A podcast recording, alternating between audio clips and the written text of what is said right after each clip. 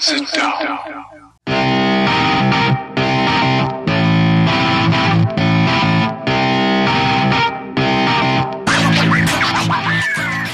Witam wszystkich i każdego z osobna. Ja jestem Robert Kochan, a to jest Kochana NBA, najbardziej nieobiektywny podcast o najlepszej koszykarskiej lidze świata.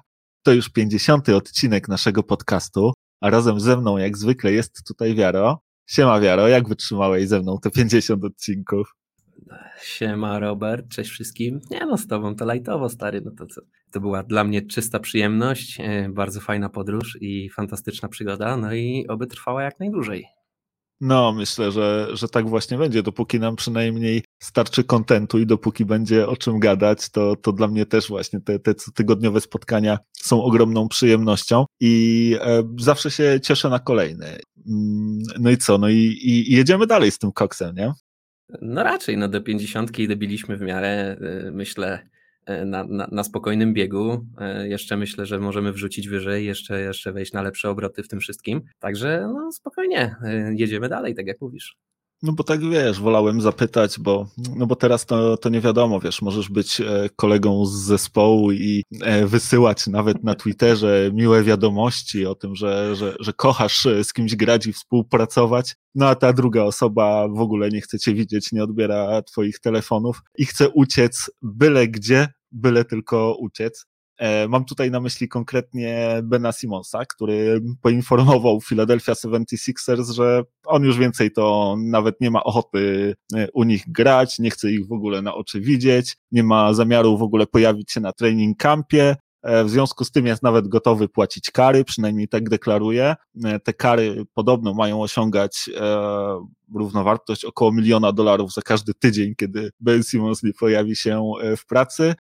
No a Ben na razie mówi, że on te kary będzie płacił, że on tam w ogóle nie chce przychodzić, że, że ma ich gdzieś i że jest gotowy na trade do jakiejkolwiek drużyny NBA. Zagra w każdej z 29 drużyn, ale w Filadelfii e, już nie chce. No, taka ciekawa wiadomość od Bena Simonsa w tym tygodniu, nie? Powiem tak, ja myślę, że Ben Simmons absolutnie nie zdaje sobie sprawy z tego, co mówi i z tego, jakie to może mieć konsekwencje.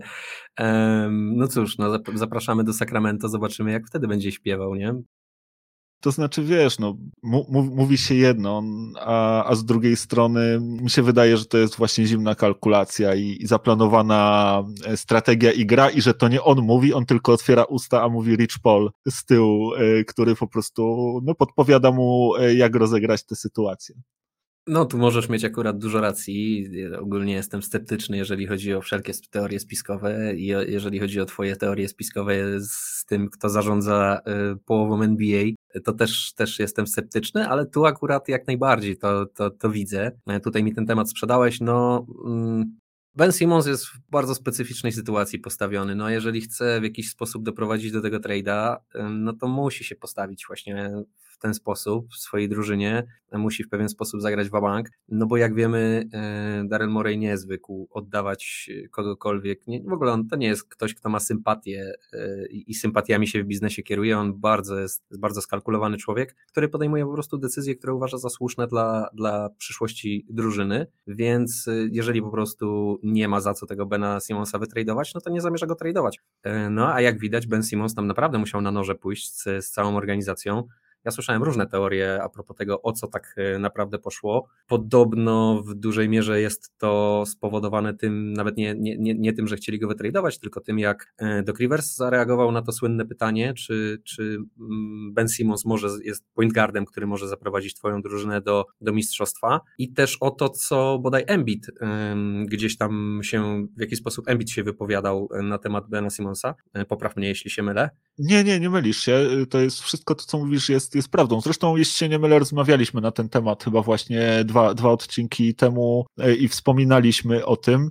E, rzeczywiście tak jest. Ciekawe w tym jest to, że do Riversa w sumie w ogóle nie słychać od tego czasu. On się nawet nie zająknął na, tej, na ten temat, przynajmniej ja nic nie słyszałem. Natomiast e, Joel Embiid postanowił, no chyba troszkę ratować sytuację, przynajmniej w swoim mniemaniu i też wypuścił ostatnio taką całą wręcz serię tweetów, w których pisał, że on kocha grać z Benem i, i że, że on jest wspaniałym jakby zawodnikiem i że jeszcze jakby no nie skończyli swojej roboty i że winę jakby bierze na siebie, tak? It's on me personally. Tak, tak zakończył e, pierwszego tweeta. Kolejnych oberwało się mediom, którym e, troszkę pocisnął. Pocisnął też troszkę fanom Filadelfii, przypominając e, im, jak to buczeli na niego kiedyś i że też sami powinni spojrzeć na siebie, więc troszkę wszystkich wepchnął gdzieś tam pod, pod ten autobus.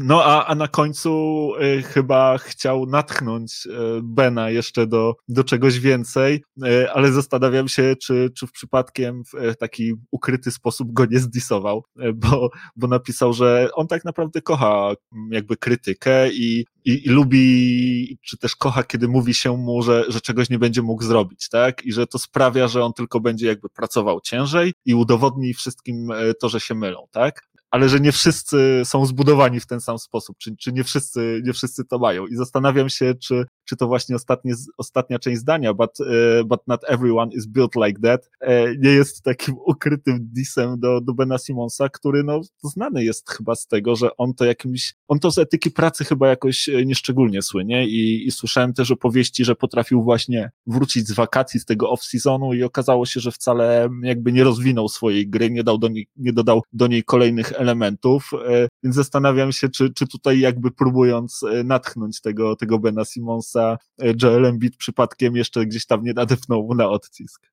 Um, wiesz co, nawet jeśli to chyba bardziej właśnie przypadkiem niż, niż to było celowe, bo wydaje mi się, że tak jak wspomniałeś, e, Embiid gdzieś chciał ratować tą całą sytuację, natomiast wciąż wydaje mi się to dziwne, no okej, okay, jestem w stanie zrozumieć to, że jako zawodnik, jeżeli twój trener w ciebie nie wierzy, no to to jest lipa, nie? To jest no niefajne, nie, nie jest na pewno przyjemne być w takiej sytuacji. Oczywiście są tacy jak Kobe Bryant, który, którzy pewnie wzięliby to do siebie i postanowili e, udowodnić wszemi wobec, że po prostu coach się nie zna, ale Ben Simmons najwidoczniej do takiej gości nie należy. On ewidentnie tak mnie się przynajmniej wydaje, ja to tak czytam, że to jest taki gość, który jednak właśnie w tej kamraterii, w, w, tym, w tym braterstwie drużynowym um, tam się najlepiej odnajduje i on potrzebuje takiej właśnie atmosfery i takiego wsparcia. Natomiast no tak jak mówisz, no jest już trochę w tej lidze, no, no i to już nawet nie chodzi o to, że on słabo rzuca te trójki, chodzi o to, że on ich w ogóle nie rzuca, nie chce w ogóle podjąć tego ryzyka, nie rozwija się tak jak mówisz, no jest tym samym zawodnikiem, którym był, być może jest bardziej e, w tym momencie ograny w lidze, więc e, trochę lepiej to wygląda niż, niż na początku, ale no niewiele, no tak naprawdę to głównie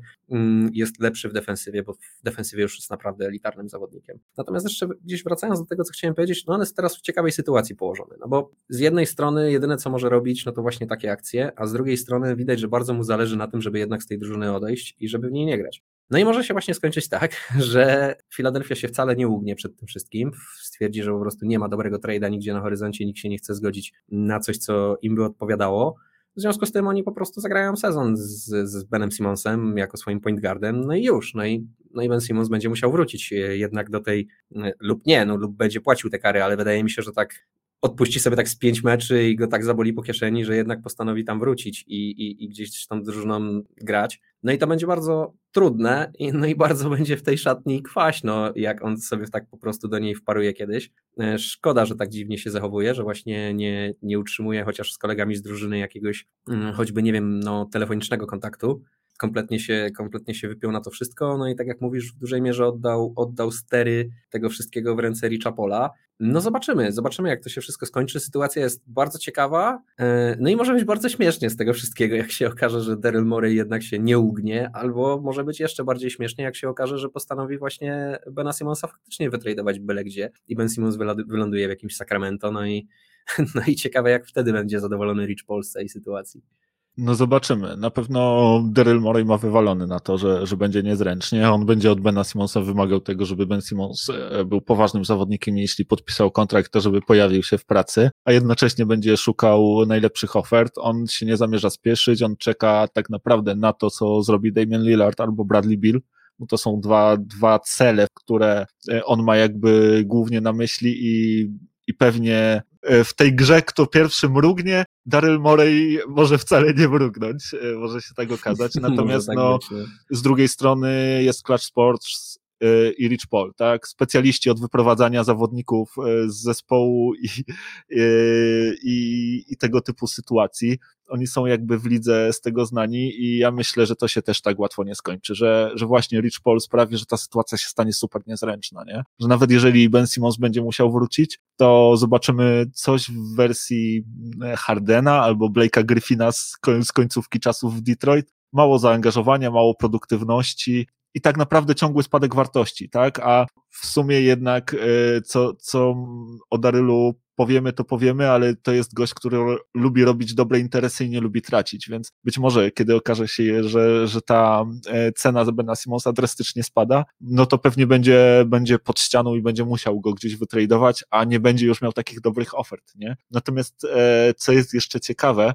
jak mówię, jestem pewien, że Rich Paul tutaj sporo namiesza, bo już miesza, wykorzystując do tego też innych zawodników, bo nie wiem, czy wiesz, ale Tyrese Maxi, jeden z tych topowych, młodych zawodników Filadelfii, również reprezentowany przez Clutch Sports. To jest jedyny w ogóle gość z Filadelfii, który towarzyszył Benowi Simonsowi w tych treningach teraz w off-seasonie. Oni razem w Los Angeles trenowali w jednej hali. No i słuchaj, okazało się, że Tyrese Maxi również obraził się na Filadelfię i też chce odejść stamtąd.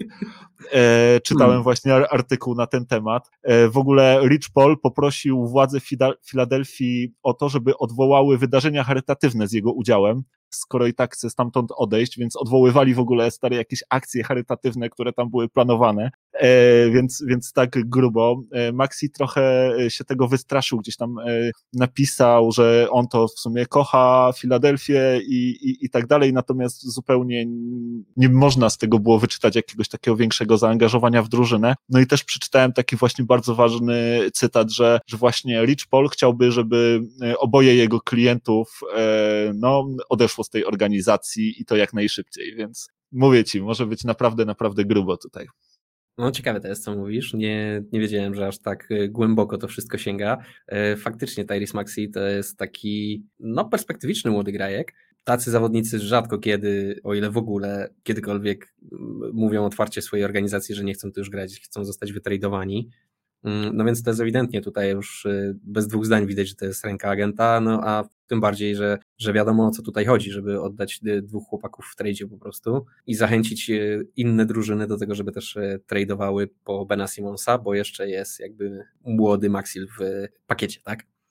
Mm, no, słuchaj, zobaczymy, co z tego wyjdzie. Tak jak mówisz, y, Daryl Morey jakby trafiła kosa na kamień, nie? Tutaj Rich Paul z jednej strony, z drugiej strony Daryl Morey. Obaj panowie to nie są mm, goście w ciemię bici, znają się na tych interesach w NBA jak mało kto. E, no zobaczymy, który tutaj będzie górą i, i po której stronie to tak naprawdę się skończy. Ja jednak y, wciąż uważam, że Philadelphia prędzej czy później tego Bena Simonsa wytraduje. Wydaje mi się, że to będzie prędzej niż później. Wydaje mi się, że raczej będą chcieli uniknąć też tego, żeby mm, Ben Simmons jakby musiał wrócić do drużyny, no ale tak jak mówisz, e, Daryl Morey jest jakby kompletnie przygotowany na to, że będzie niezręcznie, on ma na to totalnie wywalone i no i cóż, e, no i jak, jak będzie musiało być niezręcznie, no to po prostu będzie niezręcznie. E, dla nas tylko lepiej, bo będzie o czym gadać, nie?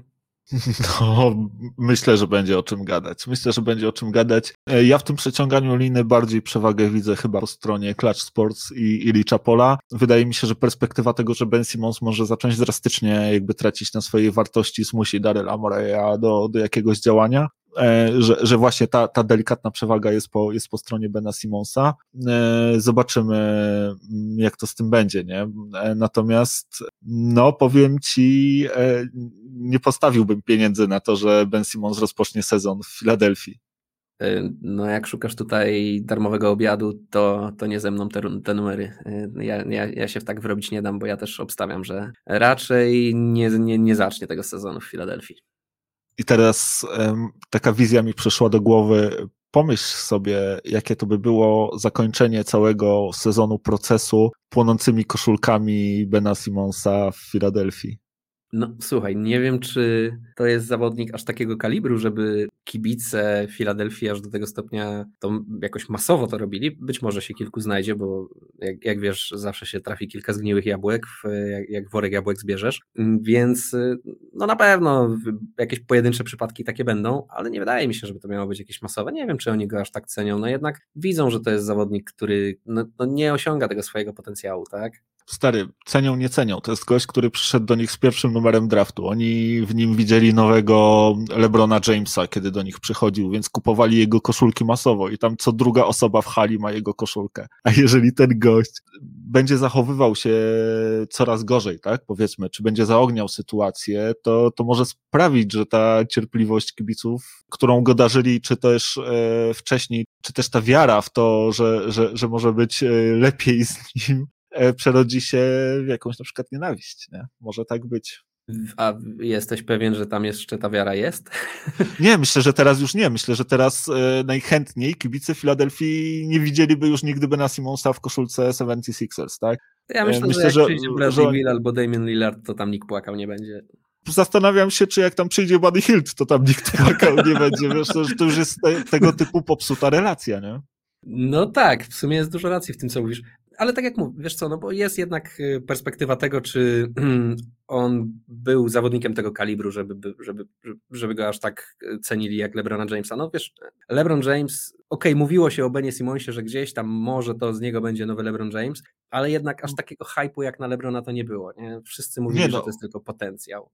Oczywiście, że tak. Natomiast wiesz, e, six ten point guard, tak, e, gość, który e, umie wjeżdżać na korzy i robić tak naprawdę co chce, przecież zanim on trafił do NBA, no to był absolutną przecież super gwiazdą i początki w NBA też miał fantastyczne. Zawsze się tylko mówiło o tym, czy się nauczy rzucać. No i okazało się, że być może właśnie trochę tej etyki pracy brakło i przez te lata Simons nie poprawił jakoś szczególnie swojej gry, nie udoskonalił jej o zbyt wiele elementów, przynajmniej takie jest moje zdanie.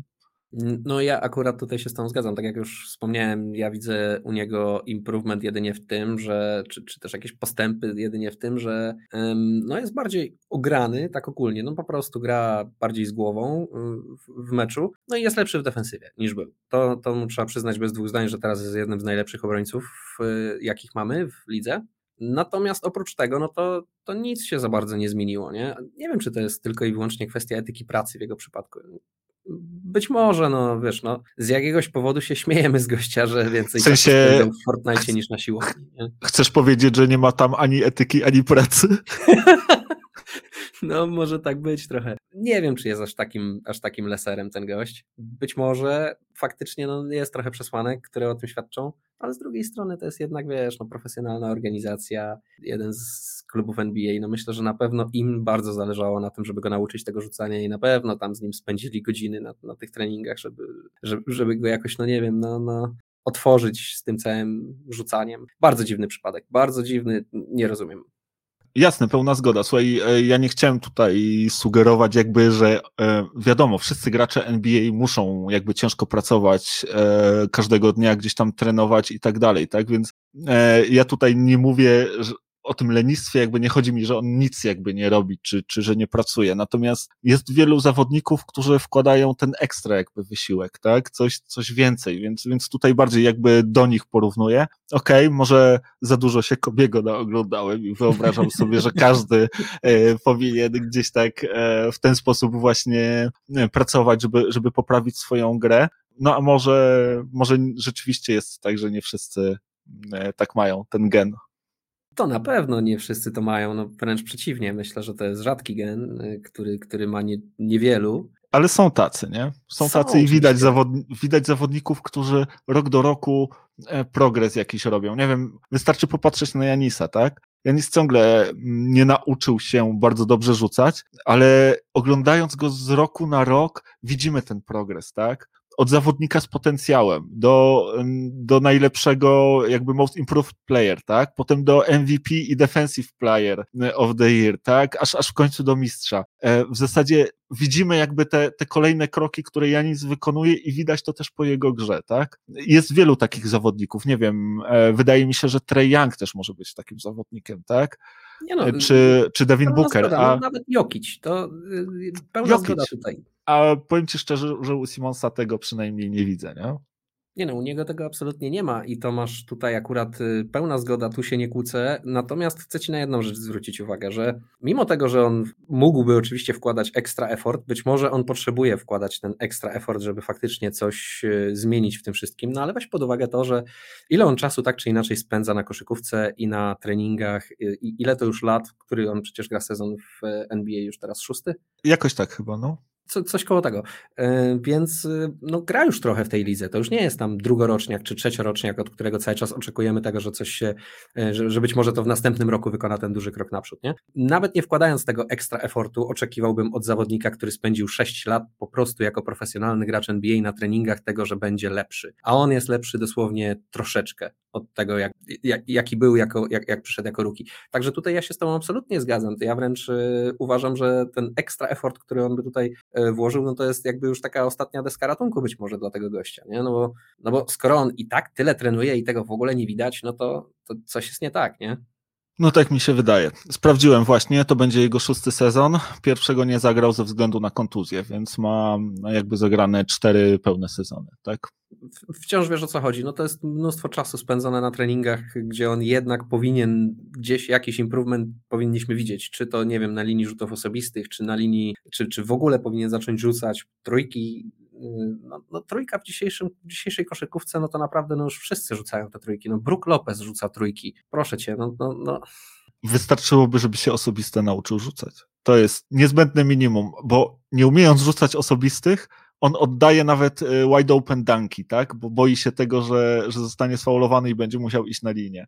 Więc y, to jest jakby podstawa i, e, no i nad tym powinien w pierwszej kolejności przynajmniej moim zdaniem popracować i, i coś z tym zrobić, bo no, no zobaczymy, jeżeli, jeżeli się okaże, że, że któraś drużyna po niego wytraduje, no to też się, też się może z tego przejechać. Natomiast no zobaczymy, gość jest jeszcze młody, na pewno ma niesamowity potencjał, ma wszystko, jeżeli chodzi o, o aspekt fizyczny, czego, czego możesz sobie tylko, co możesz sobie tylko wymarzyć, tak, u gracza NBA. E, wydaje mi się, że, że to jest tylko kwestia mentalna i to jest coś, co on na pewno może przezwyciężyć i z czym się gdzieś tam może zmierzyć może się okazać właśnie, że on e, tutaj się odciął od wszystkich, natomiast już sobie gdzieś tam knuje i podobnie jak Enbit odpowie na te wszystkie buczenia fantastyczną grą, tak? Czy to w Filadelfii, czy gdzie indziej, ja bym nie obstawił, że to jeszcze będzie w Filadelfii.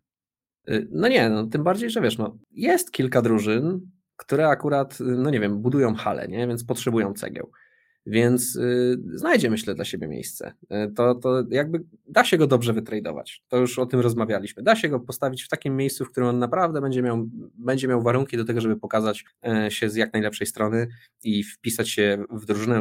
Naprawdę żarty na bok, choćby Golden State, o którym rozmawialiśmy jakiś czas temu. Tak? Są takie drużyny, w które e, Bena Simonsa da się wpasować nawet bez tego jego rzucania, a wciąż to jest zawodnik, tak jak mówisz, młody, który ten potencjał wciąż ma. Fakt, że no, coraz mniej osób wierzy w to, że on ten potencjał kiedykolwiek swój y, wypełni, czy też osiągnie, no, no, no bo już trochę, trochę na to czekamy. No ale z drugiej strony być może to jest tak, że, że no musisz poczekać. No, Chansey Billups był takim zawodnikiem, na którego długo czekano, nie? a jak w końcu odpalił w Detroit, no to przyniósł im dwa pierścienie mistrzowskie. Nie? Więc wiesz, no nikogo nie, nie, nie wolno skreślać. No zdecydowanie. E, mi w ogóle przyszedł do głowy taki dziki, szalony pomysł, a co gdyby Toronto potrafiło złożyć jakiegoś e, three-team deala? E, myślę, że, że oni bardzo chętnie takiego e, Bena Simonsa by przygarnęli. Pamiętajmy, tam jest jeszcze Masai Ujiri u sterów, natomiast Masai Ujiri ma dużo bardziej ambitne plany. Powiem Ci szczerze, że nie zdziwiłbym się, jakby okazało się, że będzie przyszłym komisarzem tej ligi, bo o. wydaje mi się, że, że, że ma takie ambicje. E, natomiast e, nie zdziwiłbym się, gdyby Masai Ujiri właśnie niedługo e, odszedł ze swojego stanowiska, nie wiem, powiedzmy zajął się NBA Afrika, tak, żeby tam, tam troszkę we władzach podziałać, być może tam właśnie przygotować się do roli komisarza i żeby jego ostatnim posunięciem było właśnie ściągnięcie Bena Simonsa do Toronto. No, ciekawy scenariusz. E, powiem, że no, przede wszystkim dla mnie ciekawy ze względu na e, postać Ujiriego, który jest naprawdę fantastycznym GM-em. Bardzo miło go wspominam jeszcze z czasów, e, kiedy był GM-em Denver Nuggets. No i jak już przy Denver jestem, to ci powiem, że skoro już się tak dzielimy plotkami, to ja też słyszałem plotkę o Denver, że właśnie um, jeżeli Michael Porter Juror byłby dostępny, no to, że Philadelphia chętnie by się podobno na to skusiła i, i takiego deala by widzieli. No i że niby w Denver też by się odnalazł, bo, bo to też taka drużyna, w której nie musi rzucać, a jego defense byłby bardzo cenny. Możesz się domyślić, czy jestem fanem tego pomysłu, czy nie, także... Miałem zapytać właśnie, jak to... E, no ty sporo drżysz, bo, ale to no popatrz, wiem. to tylko po, pokazuje, jakie jakby możliwości, jeżeli chodzi o, o talent, o asety ma drużyna Denver, bo naprawdę jesteście wymieniani, czy to trade Jamesa Hardena, czy, czy właśnie teraz Bena Simonsa, gdzieś tam ciągle jesteście wymieniani jako ta drużyna, która ma to, co inni chcą, tak? No tylko, że wiesz, I, i, że, i, że, I że możecie być partnerem. Tylko mówię, że to jakby jest się z czego cieszyć. E, ja słyszałem już z kolei, że macie apetyt na przedłużenie kontraktu Gordona, że, że Gordon gdzieś tam zadeklarował, że chciałby zostać z Nuggets i, i że tutaj jakby będzie planowane w ciągu najbliższych tygodni pewnie rozmowa na temat extension, bo to jest ostatni rok e, Arona Gordona e, w Nuggets, więc, więc słyszałem, że są podobno takie zakusy i chęć i z jednej i z drugiej strony.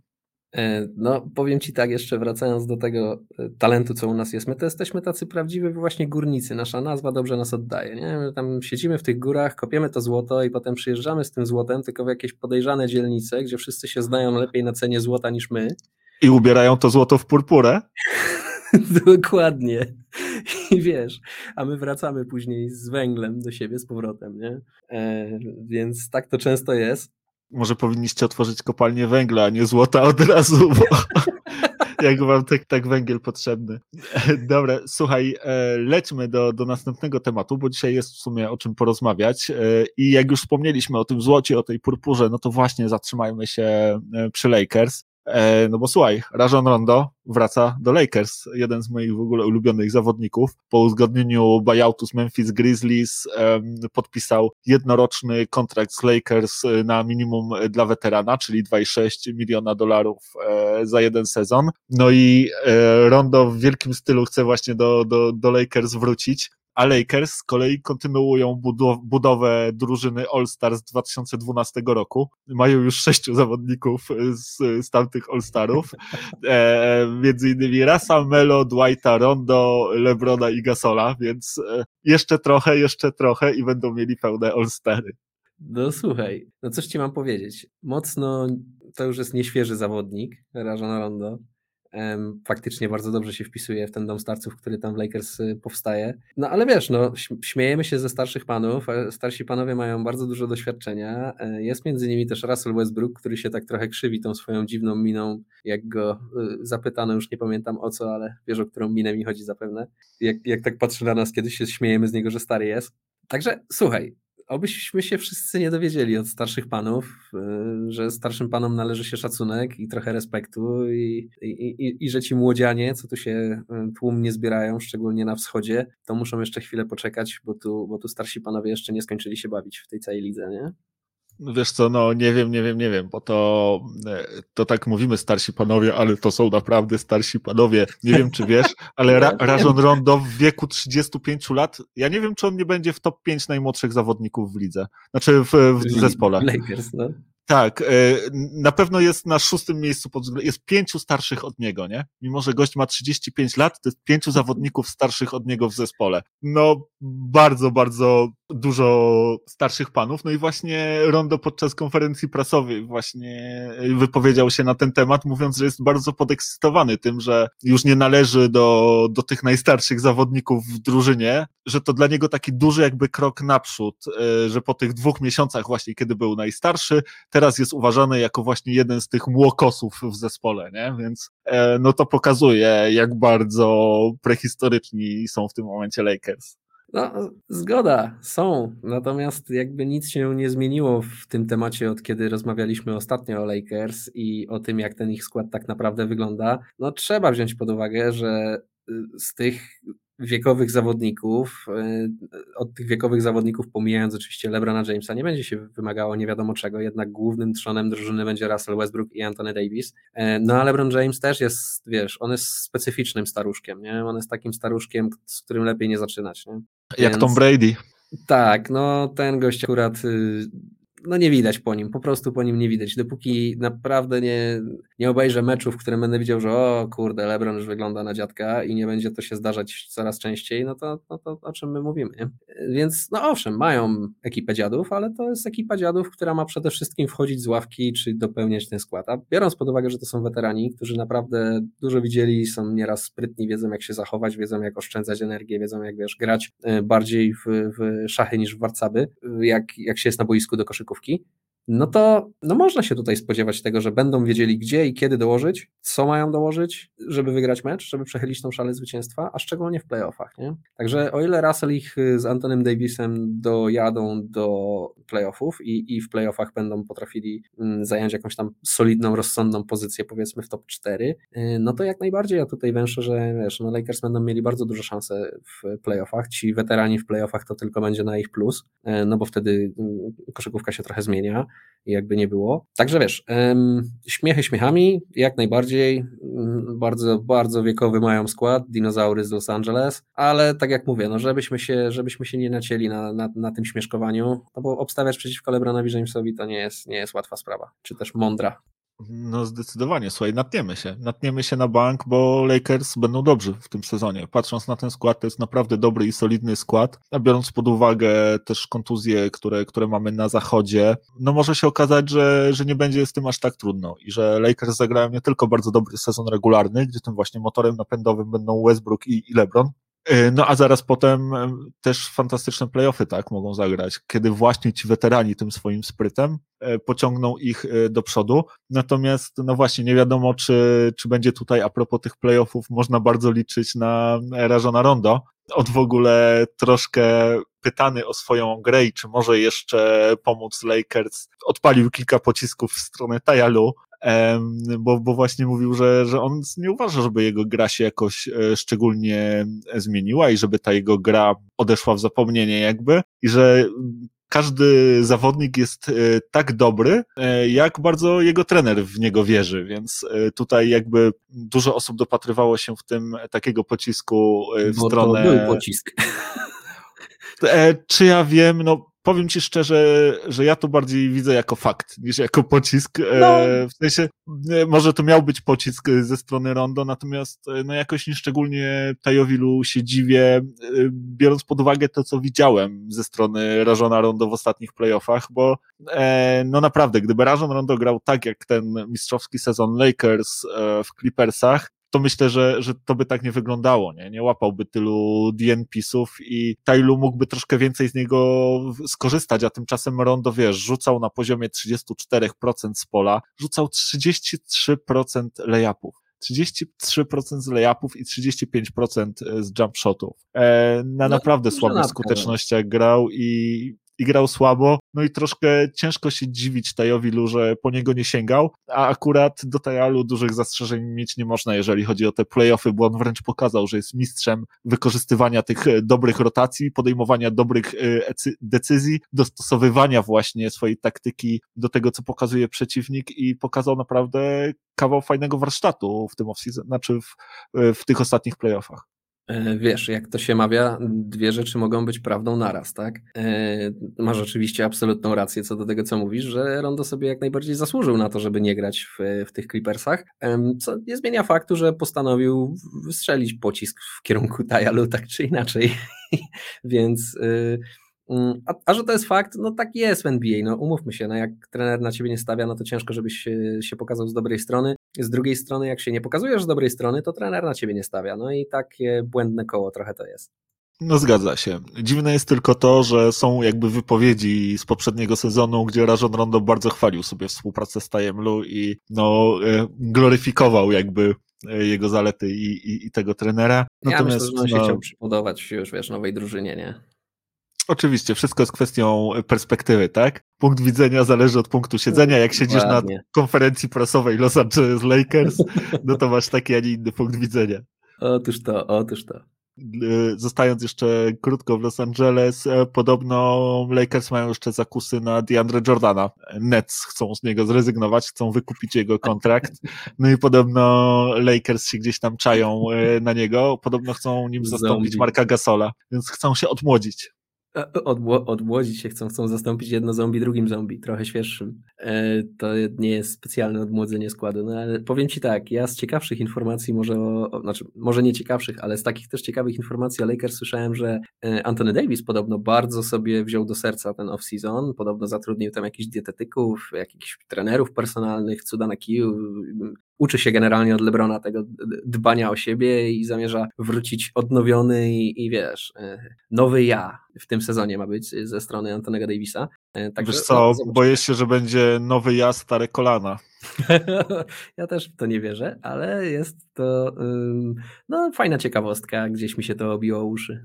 Zdecydowanie. Ja nawet w to wierzę, wiesz. Ja, ja wierzę w to, że Anthony Davis mógł bardzo dużo fajnych rzeczy podpatrzeć u Lebrona i że jakby iść za tym jego przywództwem. Natomiast no też historia pokazuje mi, że jest on bardzo podatny na kontuzję i zastanawiam się, czy to może mieć aż taki wpływ, żeby te kontuzje wyeliminować, tak? Wydaje mi się, że to są jednak takie bardziej gdzieś tam fizyczne sprawy i no po prostu jest, jest takim zawodnikiem bardziej na tej kontuzję podatnym, więc może się okazać, że mimo jakby tych wszystkich wszystkich starań e, ciało spłata mu fikusa, nie? Zgoda. E, z drugiej strony mamy ten magiczny przypadek Stefa Kerego, który był bardzo kontuzjogenny przez pierwsze kilka lat swojej kariery, a potem magicznie się jego kostka jakoś wyleczyła a on też właśnie, z tego co wiem, to mm, zatrudnił kilku jakichś trenerów personalnych, bardzo mocno się wziął za trenowanie, jakby specyficzne treningi e, fizyczne, żeby właśnie wzmocnić się e, no, no, no, pod kątem tego, żeby tych kontuzji nie łapać. No i zobacz, w jego przypadku akurat pomogło. Fakt, że to jest, nie umiem sobie przypomnieć, jakby nie umiem dać drugiego przykładu tego, że, że to zadziałało, no ale kto wie, no słuchaj, no zobaczymy. Lakersi na pewno bardzo ciekawie się zapowiadają w tym sezonie. Zgadza się. Ja życzę Antonemu Davisowi, żeby miał taką resztę kariery jak Steph Curry, tak, żeby mu jak najlepiej wszystko szło i żeby był e, zdrowy właśnie, żeby już te kontuzje go nie dotykały, bo, no bo to, to właśnie tych najlepszych zawodników chcemy oglądać, tak? Niezależnie czy, czy grają w naszych ulubionych drużynach, czy przeciwko nam, e, to kochamy ich, czasami kochamy ich nienawidzić, e, ale, ale chcemy ich oglądać w pełnym zdrowiu. Wracając natomiast jeszcze gdzieś tam do, do kwestii tego DeAndre Jordana, ja myślę, żeby to była bardzo głupia decyzja ze strony Lakers. Oni podobno mają troszkę taki plan, żeby wrócić do tego, co grali e, w tym sezonie, w którym zdobyli mistrzostwo, czyli właśnie dużo takiego, dużo grania pod obręczami, tak? Twardej defensywy, zbiórek w obronie, ale też atakowania obręczy e, w ataku powrotu takiej gry oni właśnie by chcieli. E, natomiast no moim zdaniem Mark Gasol może dużo więcej dać e, temu zespołowi. Jest zawodnikiem, który jest dużo bardziej wielowymiarowy niż DeAndre Jordan, który ma tak naprawdę jeden wymiar, to jest e, atletyczność, a z racji swojego wieku, no nie jest to już jego aż tak mocna strona jak kiedyś, że tak powiem delikatnie, a, a mówiąc dosyć brutalnie, to coraz bardziej mu grawitacja przeszkadza w grze. Natomiast Mark Gasol i potrafi tą grę rozciągnąć i potrafi potrafi podać i potrafi rzucić za trzy, no i przede wszystkim jest znakomitym wyborem, jeżeli chodzi o przeciwstawienie się Nikoli Jokiciowi, tak? E, razem z Dwightem Howardem ci, ci goście mają szansę przynajmniej zwolnić aktualnego MVP. E, natomiast no, wydaje mi się, że Jokic z DeAndre Jordanem to, to będzie po prostu e, witamy w szkole, klasa pierwsza, lekcja pierwsza, temat jesteś jechany, tak? No, tak by to wyglądało. Natomiast powiem Ci tak, no ja po Marku Gasolu też się już za wiele nie spodziewam. Okej, okay, to jest zdecydowanie bardziej łebski zawodnik, zdecydowanie bardziej taki zawodnik, który myśli, po prostu gra, tak jak już e, dzisiaj użyłem tego, tego sformułowania, gra bardziej w szachy niż w warcaby z tymi kolesiami na boisku, więc na pewno bardziej będzie tutaj przydatny. No z drugiej strony e, DeAndre Jordan czy też Mark Gasol nie będą raczej grać dużo, to są raczej zawodnicy, tak jak mówisz, od zadań specjalnych, tym zadaniem specjalnym jest zatrzymać Jokicia. E, no słuchaj, Mark Gasol się legendy dorobił na tym, na tym jednym, można powiedzieć, udanym e, spotkaniu z Jokiciem, gdzie faktycznie z mm, Dwightem Howardem poprzeszkadzali Jokiciowi, ale tak jak już Ci wspominałem, ja dobrze pamiętam, jak y, jednak Lakersi po prostu zatrzymali całą resztę naszej drużyny. No i to, to tak naprawdę robiło y, największą różnicę. Nie to, że Dwight Howard czy Mark Gasol y, sprawili, że Jokic rzucił, nie wiem, 4 punkty mniej i zamiast 70% czy 65% z pola to rzucał, nie wiem, 60% z pola. Bo oni go tam wcale nie zatrzymali jakoś wielce, więc. E, no ale tak, to są zawodnicy od zadań specjalnych w Lakersach, na pewno. Nie? Nie odbierzesz mi tego. Mark Gasol jest Jokic stoper i, i tak już zostanie w mojej głowie, e, dopóki, dopóki nie zobaczę czegoś innego. E, dobra, słuchaj, stary, e, przenieśmy się teraz w dużo mniej ciekawe i interesujące rejony Stanów Zjednoczonych. W zasadzie w dużo, dużo mniej. Na wschód i to do Cleveland. Wow. No, jeden z, no, ciekawy trade się tam ostatnio wydarzył. W ramach, w ramach trójstronnej wymiany do Cavaliers trafił e, Lauri Markanen. No i w ramach tej wymiany Chicago Bulls dostali Derricka Jonesa Juniora, czyli tego latającego e, króla wsadów. No i do tego jakieś jeszcze piki. Pierwszorundowy oczywiście chroniony od Portland, no i drugorundowy w 2023 właśnie od, od Cavaliers. Portland w tej wymianie dostało Larego Nansa Juniora. No właśnie, Laurie Markanen trafił do Cavaliers i podpisał tam czteroletni kontrakt na 67 milionów e, dolarów. I, I co w ogóle o tym tradzie myślisz? Wiesz co, no to jest moim zdaniem przede wszystkim tutaj trade e, Lauriego Markanena, tak? Jeżeli chodzi o te pozostałe tutaj dodatki, że do tego imienia, to to są właśnie dodatki. Mm, tak jak mówisz, do Chicago poszedł e, człowiek samolot, e, no a Portland dostało Nensa Juniora. To nie są jacyś zawodnicy, którzy stanowią jakąś, jakiś wielki dodatek, czy też będą stanowić jakieś tutaj kluczowe ogniwo w żadnej z tych drużyn. Raczej to są tacy goście gdzieś tam mm, ósmy, dziewiąty, może dziesiąty z ławki, więc tu raczej chyba nie ma o czym gadać. Natomiast Laurie Markanen myślę, że tu jest gwiazdą tego trade'a. E, no chyba najlepszy zawodnik też w trade'zie, zdecydowanie lepszy od tych dwóch pozostałych. No i zawodnik młody z e, wciąż z dużym potencjałem. No. Ja pamiętam, jak e, w drafcie, jak go wybierało Chicago, to mówiło się, były jakieś tam szumne porównania do Dirka Nowickiego. No w każdym razie wysoki, wysoki stretch for, jak to się mówi, zawodnik power forward, który umie rzucać, to jest zawsze zawodnik, wiesz, który kusi, tak? Tacy zawodnicy, fajnie mieć takiego zawodnika, on ci daje duże możliwości taktyczne, fajnie można drużynę zbudować, jak takiego zawodnika masz. To tylko musi umieć bronić i musi umieć zbierać. No i to są, myślę, dwie rzeczy, które tutaj są, no powiedzmy delikatnie nie najlepsze w przypadku Lauriego Markanena. Natomiast, no wiesz, Cleveland nic nie traci. Cleveland co Cleveland sobą prezentuje? No, no nic za bardzo, tak? Oni zbierają młodych zawodników, patrzą, co z tych młodych zawodników może wyjść i, i, i co z nich wyrośnie. No i liczą na to, że y, któryś właśnie z takich y, być może wciąż młodych, perspektywicznych zawodników z innej drużyny, taki właśnie Laurie Markanen, który akurat teraz w planach Chicago się nie mieści, bo Chicago z jakiegoś powodu pomyślało sobie, że teraz jest najlepszy moment na to, żeby, żeby podbić wschód no bo na wschodzie przecież nie ma nikogo dobrego, tam są same słabe zespoły, można się z nimi śmiało bić e, w playoffach, żeby coś ugrać, więc postanowili pójść na całość i zbudować teraz drużynę, która będzie się o coś biła. No więc Laurie Markanen się już nie mieści w ich planach, nie stawiają już na zawodników, którzy w tym momencie prezentują jakiś poziom, więc no taki, taki grek z potencjałem, no to nie, nie, po prostu im teraz nie leży. Postanowili go wytradować. No i cóż, no zobaczymy, co on w Cleveland pokaże. Ja jestem fanem tego zawodnika, to jest, e, o ile dobrze kojarzę, Finczyk, tak? E, więc e, bardzo, bardzo, bardzo zabawnie, bo nie mamy wielu takich gości z, z tego krańca Europy w NBA. E, no i faktycznie, tak jak wspomniałem, no zawodnik, który gdzieś tam stylem grania e, przypomina Dirka Nowickiego, no ale do Dirka mu jeszcze daleko. Zobaczymy, co pokaże. Ja jestem fanem, e, będzie miał na pewno dużo miejsca, będzie miał na pewno dużo teraz szans na to, żeby się pokazać z dobrej strony. No, no jak nie teraz, no to kiedy, nie? No to widzisz, ja się tutaj jakby nie do końca z tobą zgodzę, bo to, o czym ty mówisz, to, to była prawda jakieś 3-4 lata temu, kiedy Laurie Markanen przychodził e, do tej ligi i rzeczywiście takie były wobec niego oczekiwania i tego się po nim spodziewano, no i to właśnie miał być taki stretch for, który będzie świetnie rzucał. No i z jednej strony niby wszystko się zgadza, ale z drugiej, no boję się, powiem ci szczerze, że Cavs jeszcze tego trade'a e, pożałują i zwłaszcza tego wysokiego kontraktu dla, dla Markanena, bo jakby tych pieniędzy było jakby troszkę mniej, to w porządku, ale wydaje mi się, że, że troszkę przepłacili, zwłaszcza, że Markanen, no nie można często na niego liczyć. To jest gracz, który jest bardzo jakby podatny na kontuzję. On w trzech ostatnich sezonach nie zagrał więcej w, w, każ w każdym z tych sezonów niż 52 mecze, tak? Nie udało mu się zagrać jeszcze jakby pełnego sezonu, jeżeli chodzi o liczbę meczów od kiedy jest w lidze.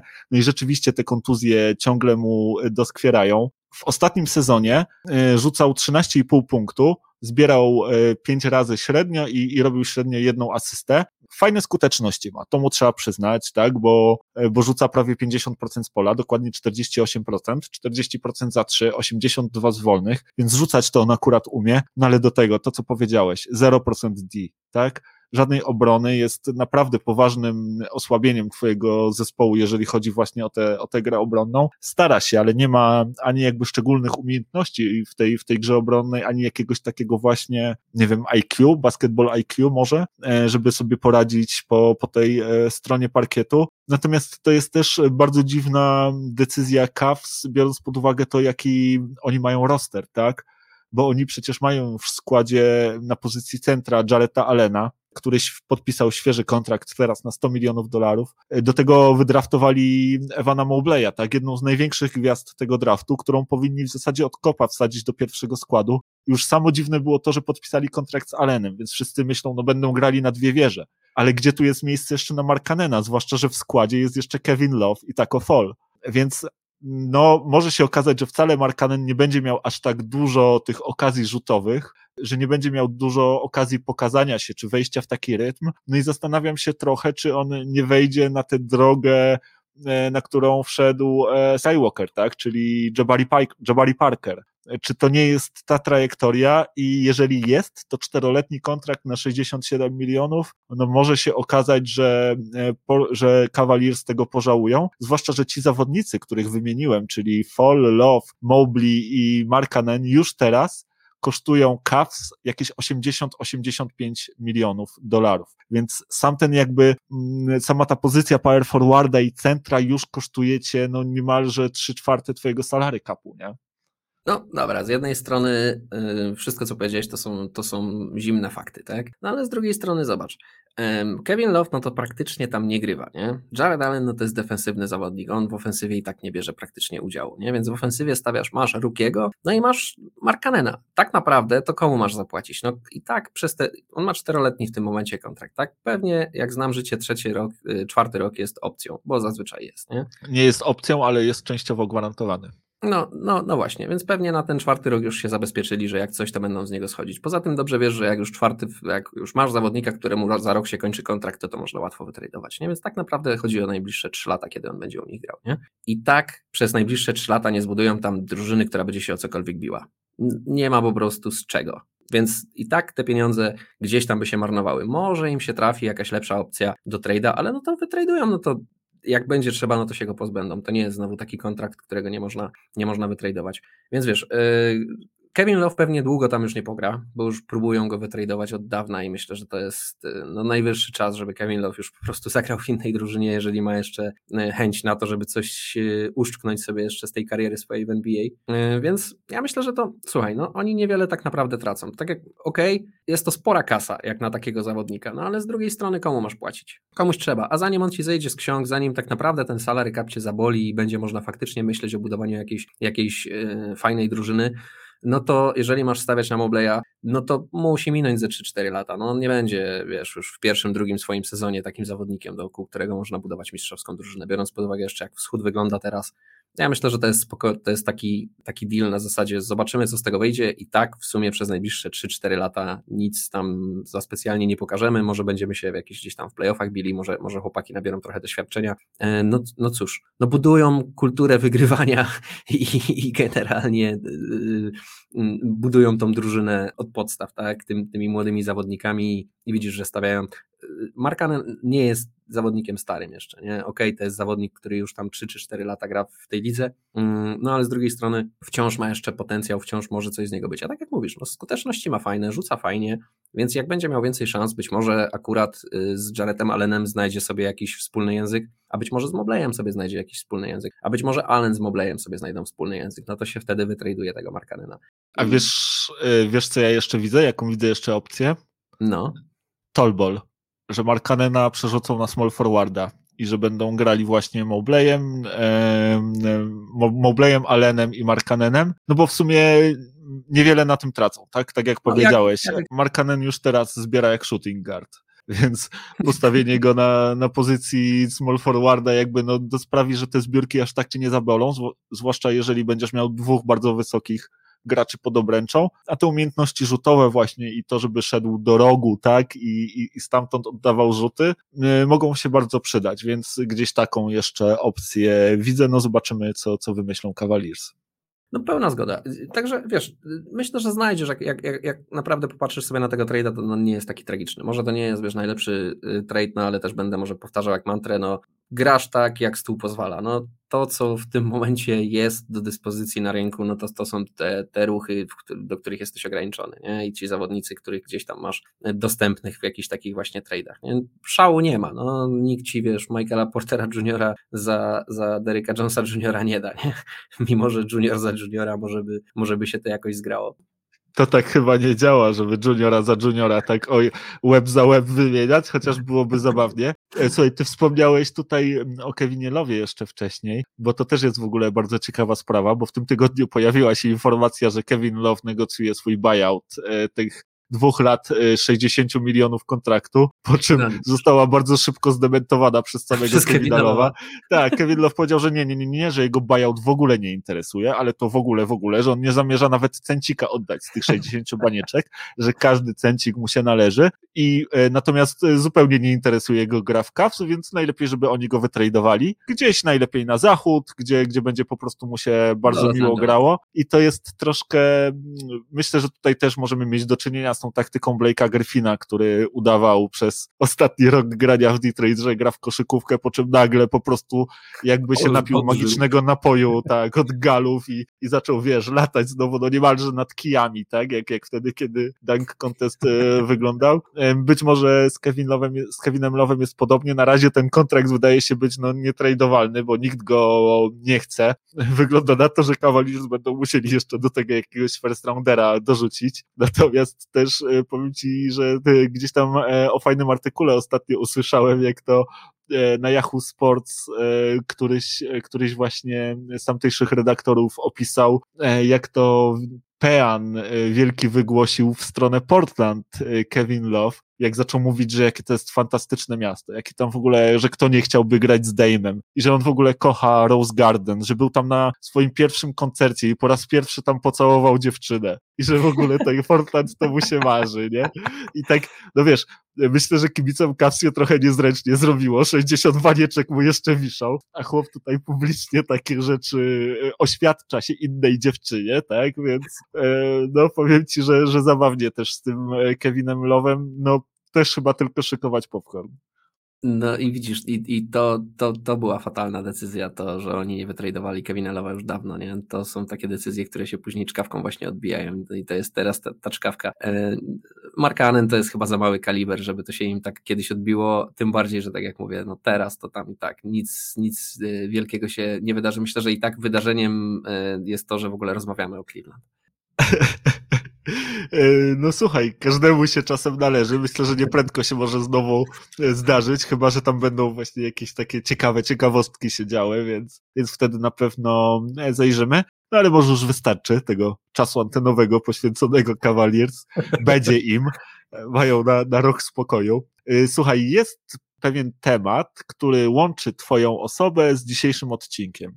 Jest to temat związany z Memphis Grizzlies, bo, bo nie wiem, czy wiesz, ale Memphis Grizzlies y, ogłosili taki, no w ramach takiego hołdu do tych czasów grit and grind, że e, jakby wyciągną pod, pod kopułę areny e, dwie, dwie koszulki dwóch graczy, czyli Zaka Randolfa i Tonego Alena. Dziewiątkę, czemu tak? Dziewiątkę Tonego Alena i pięćdziesiątkę Zaka Randolfa, więc popatrz jak, jak tak. pięknie. A przy okazji, no grit and grind, nie?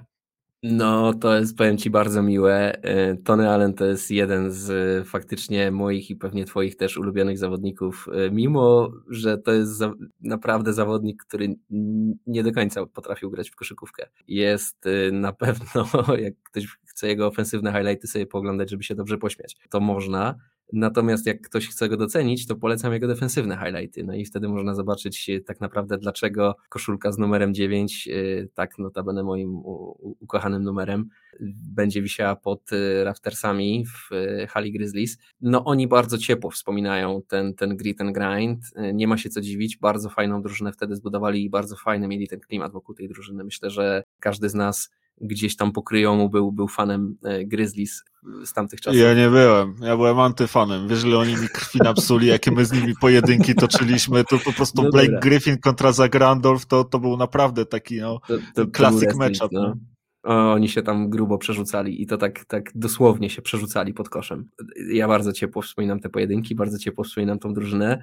No nie ma się co dziwić. Zagrandolf, y, no kultowy zawodnik y, w Grizzlies, to jest taki, taki gość, który y, można powiedzieć całą swoją karierę odbudował i później zbudował właśnie, właśnie w Grizzlies. No, on jak przychodził, to był, to, to, to, to widziano w nim raczej bad boya i, i takiego lenia, który niespecjalnie tą koszykówką się gdzieś tam pasjonuje a później się okazało, że e, no jak nie jeden z tych, z tych bad boyów, jak go odpowiednio poprowadzisz i, i, i gdzieś tam skierujesz te jego emocje w stronę koszykówki i, i wygrywania, no to się okazuje, że to jest super zawodnik, który ci daje bardzo dużo, no i tak też było w przypadku Zaka Randolfa. E, no a Tony Allen, no to było dynamo, to było serce tej drużyny, tak? To był gość, który po prostu walczył jak szalony, biegał za tą piłką jak szalony i tyle, co on krwi napsuł najróżniejszym ofensywnym zawodnikom, to, to jak mało który. I w przeciwieństwie do mm, wielu, którzy też jakby z tego słynęli, on grał naprawdę fair i naprawdę czysto. On był na prostu świetny obrońca, no ciężko go było zgubić, był, był taką, taką klasyczną weszką, nie? No zdecydowanie. Jeden z najlepszych zawodników defensywnych w całej historii tej ligi. Tak przynajmniej mój iTest y, mówi. E, słuchaj, widziałeś ostatnio zdjęcie Jasona Tatuma? Nie widziałem. No stary, Jason Tatum ostro na siłowni, chyba dużo czasu tam bardzo spełnia. E, przypomniało mi się jakiś czas temu, chyba rok czy dwa lata temu pojawiło się takie zdjęcie Janisa, kiedy nie można było uwierzyć no, w rozmiar jego bicepsa i ramion. No to, to właśnie takie, takie zdjęcie tej Tomasie ostatnio pojawiło. No powiem ci, że chłopak przybydlił. No to słuchaj, no to tylko dobrze, tak? To, to już nawet y, Michael Jordan też jak y, Bad Boy go bardzo mocno poturbowali, to też poszedł na siłkę. No i nie jeden już koszykarz się przekonał o tym, że fajnie jest być e, szybkim, długim, a jeszcze fajniej dodatkowo być silnym do tego. No i to, to naprawdę pomaga. No Janis jest w tym momencie nie do zatrzymania, wszyscy się od niego odbijają, a kiedyś to on się odbijał nieraz od tych, od tych wielkolodów w farbie, więc e, no słuchaj, strach się bać. Tatum ma potencjał pod sufit, nie? Jak najbardziej. A jeśli mowa o potencjale, a przy okazji wspomniałeś jeszcze MJ-a, to ja tutaj mam jakby fajny kolejny krótki temacik, no bo nie wiem, czy słyszałeś, jak Antony Edwards e, zaczął cwaniakować ostatnio. Skurczybyk urósł w tym e, off-seasonie o dwa cale i, i, zaczął, i zaczął właśnie cwaniakować do swojego trenera, mówiąc mu, żeby mu nie pozwolił urosnąć do 6-6, bo będzie jak właśnie Michael Jordan. O, proszę. E, no powiem Ci tak, ja i tak jestem wielkim fanem tego zawodnika. Trzymam bardzo mocno za niego kciuki. Kibice Wolves mają naprawdę, moim zdaniem, diamencik u siebie. Ja to powtarzałem nawet przed draftem, że to jest moim zdaniem najlepszy zawodnik z tego draftu i to jest zawodnik, który naprawdę ma potencjał na to, żeby być e, no, no gwiazdą w tej lidze, tak? Tym bardziej, że na zachodzie grają ma potencjał, żeby być gwiazdą, zdecydowanie, natomiast już jest gwiazdą mikrofonów, bo po prostu każdy wywiad z tym gościem to jest, no to jest absolutna komedia. Fantastycznie się go ogląda. Gość jest taki zabawny, ma tyle, tyle dystansu, opowiada takie po prostu szalone rzeczy, że to się po prostu w głowie nie mieści i bardzo przyjemnie się go słucha i myślę, że liga będzie miała bardzo dużo pociechy z niego, nie tylko kibice Wolves, ale też cała liga, bo tak jak powiedziałeś, ten potencjał e, też jest pod sufit. Dobrze, słuchaj, dziękuję Ci bardzo za ten dzisiejszy odcinek i za te wszystkie 50 odcinków, które, które do tej pory udało nam się e, poprowadzić. Ja tutaj jeszcze na koniec chciałbym takie specjalne pozdrowienia dla, dla naszego słuchacza Rafała, który ostatnio napisał do nas e, wiadomość, a w niej kilka e, miłych, ciepłych słów. E, także dziękujemy bardzo i, i pozdrawiamy i Was też od razu e, przy okazji zachęcamy do tego, żebyście pisali do nas w każdej sprawie na kontakt małpka albo bezpośrednio bezpośrednio na Facebooku, czy to w komentarzach, czy w wiadomościach. E, bardzo chętnie e, posłuchamy, co macie do powiedzenia, ewentualnie e, odpowiemy na Wasze pytania, albo wydajcie znać, o czym chcielibyście, żebyśmy porozmawiali w przyszłości. Czekamy na te wszystkie Wasze, wasze głosy. No i co? No i zapraszamy Was już na kolejny 51 odcinek. Czas, czas ruszyć dalej. 50 za nami, czas do przodu i, i co? I życzymy Wam miłego i spokojnego weekendu i do usłyszenia. No, to była wspaniała jazda. Ja dodam jeszcze tylko pozdrowienia dla mojego taty. Pozdrawiam tato. No i teraz można powiedzieć nic dodać, nic ująć oficjalnie. Trzymajcie się cieplutko i do usłyszenia w odcinku 51. Dołączam się do tych pozdrowień i trzymajcie się ciepło. Cześć.